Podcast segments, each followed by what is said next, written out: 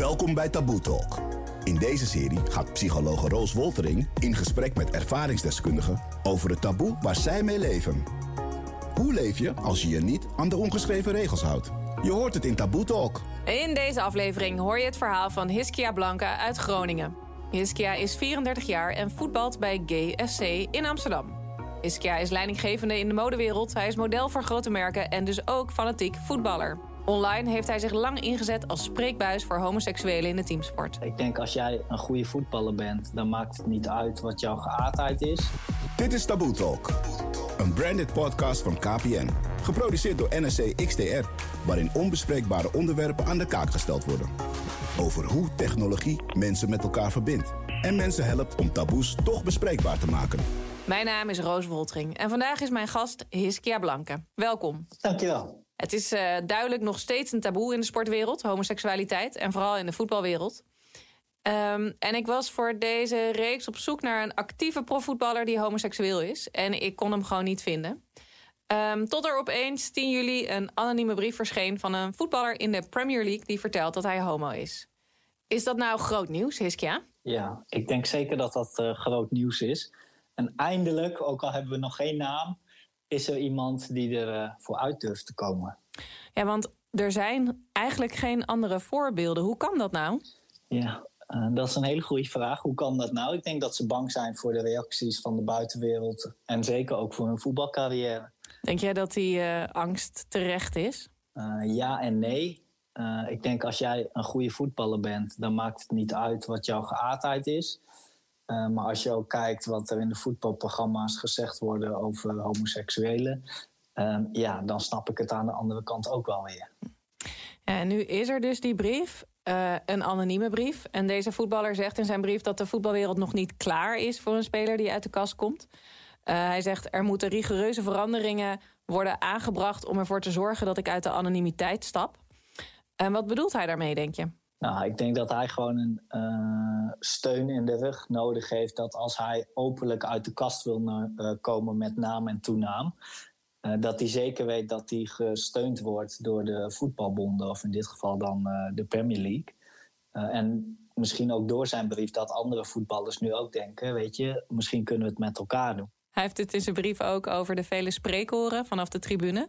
Zouden ze dat harder moeten aanpakken? Nou, ik denk dat dat uh, goed is, net als bij uh, discriminatie over huidskleur of geloof of over wat dan ook.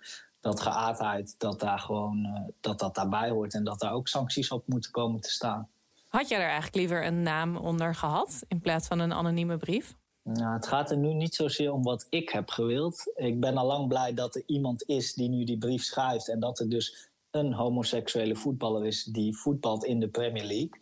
Uh, wat niet de minste competitie is als, uit Europa. Mm -hmm. um, en ik hoop gewoon dat het voor hem allemaal acceptabel is en dat hij uh, nou, uiteindelijk wel uit de kast kan komen. Um, en dan gaat het eigenlijk niet om wat ik wil, uh, maar uiteindelijk dat alle homoseksuele voetballers hunzelf kunnen zijn en dat het gaat om hun kwaliteit en niet om wat ze zijn. Ja, dus we hebben nu in ieder geval het bewijs dat er homoseksuele profvoetballers zijn die daadwerkelijk niet um, uit de kast durven te komen omdat ze bang zijn voor uh, hoe dat hun carrière zal schaden. Ja. Dit is Taboe Talk. Er zijn een paar zeldzame voorbeelden van homoseksuelen die hun coming-out hebben gehad in de voetbalwereld. Onlangs dus die brief van een nog onbekende Premier League-speler. En verder kennen de meeste mensen John Blankstein wel, de eerste topscheidsrechter die openlijk uitkwam voor zijn geaardheid. De Duitse ex-prof Thomas Hildsperker kwam uit de kast, maar wachtte tot na zijn carrière. En er is een tragisch voorbeeld uit 1998. De Britse speler Justin Fashanu maakte een einde aan zijn leven nadat zijn coming-out voor heel veel problemen in zijn leven leidde. Hij werd zelfs door zijn trainer uitgescholden voor vuile flikker. Naar hem is ook een stichting vernoemd die onlangs de anonieme brief publiceerde. In die brief schrijft een Premier League-speler: Ik hoor elke keer weer homofobe spreekhoren op de tribune en er bestaan nog steeds heel veel vooroordelen in het voetbal. Als ik mijn homoseksualiteit wereldkundig maak, wil ik zeker weten dat ik volledig gesteund word. En dat voelt nu niet zo. Hoe raakt dat jou, deze verhalen? Ja, als ik dan dat reflecteer op mezelf, dan vind ik dat best wel heftig. Dat iemand dus niet volledig zichzelf kan zijn, omdat hij bang is voor reacties vanuit de buitenwereld. En uh, daardoor niet zijn leven kan leiden zoals hij dat eigenlijk graag zou willen. Want hij voetbal waarschijnlijk omdat hij dat heel erg leuk vindt en omdat hij dat ook heel erg goed kan. Uh, alleen omdat hij dan niet op een vrouw valt, maar op een man, uh, kan hij daar niet voor uitkomen. En ja, ik vind dat heel erg heftig. Ja, want dat betekent dus dat homoseksualiteit en, en voetbal hebben toch niks met elkaar te maken, lijkt me. Nee, dat is ook zo. En andere mensen bepalen nu eigenlijk voor hem hoe hij moet leven. Ja. Als er nou een bekende naam uit de kast zou komen, wat voor effect denk je dat dat zou hebben? Ik denk dat het met name belangrijk is dat hij een, uh, een basisplaats heeft en dat hij minuten maakt. Mm -hmm. uh, anders dan wordt het snel weggemoffeld. Ben ik bang voor van, zie je nou wel, het is uh, bij een club uit, de onderste, uit de onderste regionen of hij speelt niet wekelijks. Dus dan bewijst het maar weer dat, dat die jongen of dat homo's niet kunnen voetballen. Want dit is er één op de zoveel miljoen mannen die er voetballen. Mm -hmm. Dus ik hoop ook echt dat hij goed kan voetballen. En dat hij een voorbeeld is voor andere goede voetballers wereldwijd. Uh, die dan zijn voorbeeld kunnen volgen. En dat we dan langzaam stapjes in de goede richting kunnen maken. Ja, want is zo'n anonieme brief, denk je, genoeg om de boel op te schudden? Nou, voor nu in ieder geval dat er wel wat sensatie ontstaat en dat het uh, bekendheid krijgt. Uh, maar alleen deze anonieme brief weet ik zeker dat dat niet genoeg is. Wordt er eigenlijk al gegokt wie het is? Nou, ik zou het niet weten. Ik uh, ben er niet aan begonnen. Want als je ziet hoeveel voetballers er zijn in de Premier League... ja, weet je, dan kan je gokken. Maar dat is net een lot uh, uit de loterij. Um, jij denkt dus dat er rolmodellen nodig zijn... om jonge jongens de moed te geven om uit de kast te komen? Ja, ik denk dat dat zeker voor jonge jongens alleen maar stimuleert. Weet je, als uh, Messi uh, nu ineens zegt, dat kan natuurlijk niet meer, die heeft een vrouw en kinderen. die zegt ineens, weet je, ik val op mannen. Ja, weet je, dan maakt het niks uit, want hij is een van de beste voetballers van de wereld. Wat maakt het dan uit dat hij op mannen valt? Ja, en ik vermoed ook dat jonge jongens die al weten dat ze homoseksueel zijn, ook eerder een beeld zullen krijgen van hé, hey, misschien zou ik ook profvoetballer kunnen worden, want het is hem ook gelukt. Ja, ja, dat die mogelijkheid in ieder geval bestaat. Ja, dat er een extra luikje open gaat van opties. Ja. In het vrouwenvoetbal zijn er um, genoeg voorbeelden van um, bijvoorbeeld homoseksuele leeuwinnen. Waarom kan het daar dan wel? Uh, zolang als ik me kan heugen, is het daar zeg maar normaal. Of is het sinds dat er vrouwenvoetbal is, zijn de lesbische voetbalsters. Um, ja, zeg maar waarom het dan daar wel kan en bij de mannen niet. Omdat vrouwen die voetballer misschien eerder geassocieerd worden met wat meer mannelijkheid? Of omdat het daar helemaal geen issue is? Ja, maar dan vind ik dat toch bijzonder, want in het volleybal zal dat ook zo zijn. En uh, weet je, tussen mannen is het gewoon lastiger dan tussen vrouwen op de een of andere manier. En ik denk misschien ook nog wel dat het ermee te maken heeft dat mannen het nog wel opgewonden vinden als het twee vrouwen uh, zijn. Mm. En uh, mannen moeten er niet aan denken, als ze hetero zijn, dat twee mannen samen iets doen. Als ik dan kijk in het mannenvoetbal ook hoe bepaalde personen zich daar op nationale en internationale televisie over uitspreken. Uh, volgens mij heeft Frank de Boer een keer gezegd dat homo's die voetballen een slechtere motoriek hebben. Mm. Dan denk ik, ja, weet je, wat is dat nou voor onzin? Wat zeg jij als ik zeg Johan Derksen? Ja, alles wat hij zegt ik weet niet, hij, hij bekijkt alles met een bepaalde bril op. Uh, en weet je, stel dat Messi ineens uit de kast zou komen, dan zou ik hem wel eens willen horen wat hij dan te zeggen heeft. Wat mij wel raakt in de manier waarop er gesproken wordt, is dat ik ook ergens wel het gevoel krijg dat homoseksuelen zich niet moeten aanstellen en gewoon uit de kast kunnen komen. Ja, maar als je dan zulke mensen hebt die daar zo over praten en je gelijk met de grond gelijk maken, dan is mijn vraag aan Johan Derksen van oké, ze moeten gewoon uit de kast komen. Maar wat is jouw kritiek dan er gelijk op? Want ik weet zeker dat dan alleen de negatieve dingen uitbelicht gaan worden. En niet de positieve dingen. Dus dan, dan wordt die voetballer bekeken door de homoseksuele voetbalbril? Ja, inderdaad. Nog even voor de luisteraars. Uh, Johan Derksen zei in 2018 in Veronica Insight...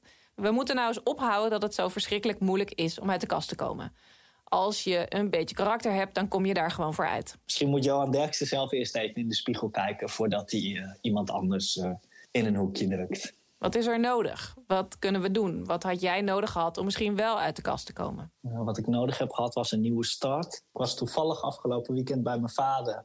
En die heeft alle krantenknipsels en voetbalverslagen van die, die tijd allemaal bewaard. En dat was Ja, toen ik naar het eerste ging, toen was ik 18, 19. En ik ben uiteindelijk naar een andere club gegaan en gestopt, omdat ik dus niet helemaal mezelf kon zijn. Mhm. En anderhalf, twee jaar later werd ik benaderd voor een nieuwe club. En toen dacht ik, ja, weet je, ik ben nu uit de kast, privé, en iedereen weet het. Dus als ik nu ergens ga voetballen, dan wil ik ook dat mijn team en mijn trainer op de hoogte is van wie ik ben of wat ik ben. Uh, en dat heb ik eigenlijk nodig gehad om ja, wel die drempel over te komen en mijn eigen leven te kunnen leiden. We vroegen ons af of mensen weten dat homoseksualiteit in de voetbalwereld nog steeds zo'n taboe is. We gingen de straat op en vroegen het. Misschien dat het te maken heeft met een soort van mannelijkheid, een soort van beeld van mannelijkheid dat zich nog steeds in de sport bevindt. Um, ik denk dat het ook zeker met de top van de, uh, van de coaches en de bonden te maken heeft. Het soort mensen wat zich daar bevindt. Maar waarom het nog steeds taboe is, ik heb geen idee. Ik bedoel, waarom is gay zijn überhaupt nog taboe? Daar moeten we geen problemen van maken. Dat, uh, dat is verleden tijd. Dat doen we niet meer tegenwoordig. Ik zou uh, het, het leuk vinden en fijn vinden voor iedereen dat het gewoon geaccepteerd wordt. En dat iedereen mag zijn wie die is. Ik denk dat het beter is als deze voetballers, sporters, als zij binnen de organisatie, als zij binnenshuis steun gaan betuigen. Als zij binnenshuis verandering gaan aanvragen. En als zij voor hun medespelers, voor hun homoseksuele medespelers gaan vechten. Nou ja, ik denk dat het ding, ja, sprake van een taboe, zo wil men het noemen. Maar of het echt een taboe is, weet ik niet. Nou, dat maakt er helemaal niet uit. Als hij maar goed wil voetballen. Nou ja, ik vind van niet. Ik vind dat gay zijn helemaal geen taboe zou moeten zijn. Kom op. We hebben het gehoord, Nederland heeft gesproken. En als ik dit zo hoor, dan lijkt het alsof er helemaal geen taboe meer is. Maar toch wel, want we hebben het erover in Taboe Talk... en we weten dat homoseksualiteit in de sportwereld... nog niet volledig geaccepteerd wordt. Dit is Taboe Talk. Um, heb je dan het idee dat het ook een generatie is die aan het uitsterven is? Um, ik heb zelf een zoon van negen die uh, in de selectie voetbalt. Nou, hij slaapt met, zijn, met een bal onder zijn kussen, zeg maar. En ik vroeg hem in voorbereidingen hierop... stel je nou voor dat Messi homo blijkt te zijn. En hij zat me heel vreemd aan te kijken... Het was zo'n complete non-issue voor hem. Weet ik veel, wat, hoezo, wat maakt het nou uit? Ik vond dat dus ook ergens wel heel hoopvol. Dat ik uh, dacht, hey, zou dit ook een signaal zijn... dat de jongere generatie denkt, waar gaat dit over? Ja, ik denk wel dat steeds een heel klein beetje normaler wordt. Ook als ik kijk in mijn eigen omgeving en vrienden om mij heen met kinderen... dat het nu allemaal heel normaal is. Um, maar er zal altijd, ik denk niet dat de generatie gaat uitsterven. Er zullen altijd mensen blijven die ergens een mening over hebben. En dat is in dit geval dan de homoseksualiteit in voetballen of homoseksualiteit in het algemeen. Ik denk niet dat dat ooit helemaal ophoudt uh, als je kijkt naar het racisme over het algemeen in de wereld. Je voetbalt zelf in Team Gay FC. Um, ehm, ik ga er heel even vanuit dat je homo moet zijn om mee te mogen spelen. Uh, ja en nee dat zijn jongens uit heel Nederland die of altijd gevoetbald hebben of uh, nog steeds voetballen bij een club die dan regelmatig een toernooitje spelen. Uh, in Nederland of in Europa, uh, of soms ook buiten Europa. En daar wordt dan vaak een weekend van gemaakt. maar we hebben ook regelmatig dat er vrienden meedoen. En ook dat er heteroseksuele vrienden meegevraagd worden om mee te doen, omdat het gewoon een heel gezellig weekend is. Weet je, we hoeven dan niet per se alleen met homoseksuele voetballers te zijn. Maar het gaat ons om het voetballen tijdens zo'n weekend. En weet je, als er dan vrienden meedoen die niet homo zijn, uh, die zijn hartstikke welkom. Want anders doe je eigenlijk hetzelfde. Dan discrimineer je ook, natuurlijk. Ja, inderdaad. Precies. Uh, maar waarom heb je dan toch de keus gemaakt om bij dat voetbalteam te gaan voetballen? Um, ik heb daar best wel lang mee gewacht. Ook omdat ik niet wist dat het bestond. En ik altijd gewoon zelf mijn hetero-club had, om het zo te zeggen. En uiteindelijk werd ik daarvoor benaderd. En toen dacht ik, ja, weet je, misschien is dat ook wel heel erg leuk om juist met wel allemaal jongens te voetballen die wel echt wel kunnen voetballen ook. En dat het ook gaat om het voetballen, maar dat je toch ook uh, over de situatie kan praten. Weet je, hoe is het nou voor jou als homoseksuele voetballer om binnen een club te voetballen uh, met allemaal heteroseksuele jongens? Stel hè, dat er nu inderdaad jonge voetballers luisteren die het nog niet aangedurfd hebben om hier open over te zijn. Wat zou je ze voor tips kunnen geven? Hoe moeten ze het aanpakken? Ja, ik vind het heel lastig hoe ze het moeten aanpakken. Wat ik als tips kan geven vanuit mijn eigen ervaring is: begin met één iemand in vertrouwen te nemen om het te vertellen. En dat kan binnen je voetbal zijn, dat kan binnen je familie zijn, maar dat kan ook je beste vriend of vriendin zijn, zodat je iemand hebt waar je ermee over kan praten. Dus zoek een vertrouwenspersoon? Ja, want als je de eerste hebt gehad, dan wordt de volgende ook makkelijker. wat mij heeft geholpen is naar een andere club te gaan om daar gelijk met de billen bloot te gaan en te vertellen wie je bent. Eh, maar wil je wel graag bij je huidige club blijven, ja, dan zou je kunnen beginnen met een teamgenoot of met je trainer en kijken hoe die erin staat. En hoe ga je om met alle grapjes die er waarschijnlijk ook gemaakt zullen gaan worden? Moet je daar dan heel fel op gaan worden? Of hoe heb jij dat gedaan? Uh, daar moet je mee omgaan hoe je normaal ook met grappen omgaat. Weet je, in mijn voetbalteam destijds wist ik dat zij het wisten en wisten zij dat ik homo was. Dus dat was in het begin best awkward. Eh, maar daarna gaat het om mijn voetbalkwaliteiten en om mij als persoon. Dus om wie ik ben en niet om wat ik ben. Uh, dus dan is een grapje over een homo uh, net zo leuk als een grapje over een blonde vrouw met dikke tieten. En nu duizendpoot Aquasi, die in elke taboe-talk zijn licht laat schijnen op het onderwerp dat we bespreken. Binnen de voetballerij hebben wij een hele hoop stront aan de knikken. Wist je nog? Homo? Boeit me geen flikker? Op de Pride vaarde bijna iedereen mee. Van de UEFA tot aan de KNVB. Nou, kennelijk boeit het wel. Want ik zie voorzitters van een beetje blij naar hysterisch blij. Wethouders in triomfantelijkheid, maar de ambassadeurs, de actieve profvoetballers, die schitteren in afwezigheid. Voetbal zit in het DNA van de wereldbevolking, als het niet minder is. Dus wil jij mij vertellen dat er in die hele voetballerij geen enkele gay te vinden is? Echt. Dit is maf. Dus niet in de directie, niet in de jeugdopleiding en niet in de technische staf? Geloof je het zelf? Hoe moeilijk is het? Het leiden van een dubbel leven. Ik zelf heb er weinig kaas van gegeten. Heb begrepen dat de coming-out je profcarrière misschien dood. Dat maakt het profvoetbal toch ontzettend homofoob. Of een tiki macho?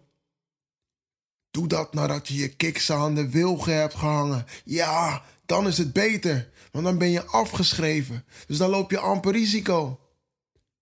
Tenzij we lang en breed van je houden, klap je veilig uit de school. Dus ik denk dat er wereldwijd pas iets verandert binnen het voetbal en onze gays als je naam Frenkie de Jong is of die van Kylian Mbappé. Dit was Taboe Talk, een branded podcast gemaakt door NRC XTR in samenwerking met KPN, het netwerk van Nederland.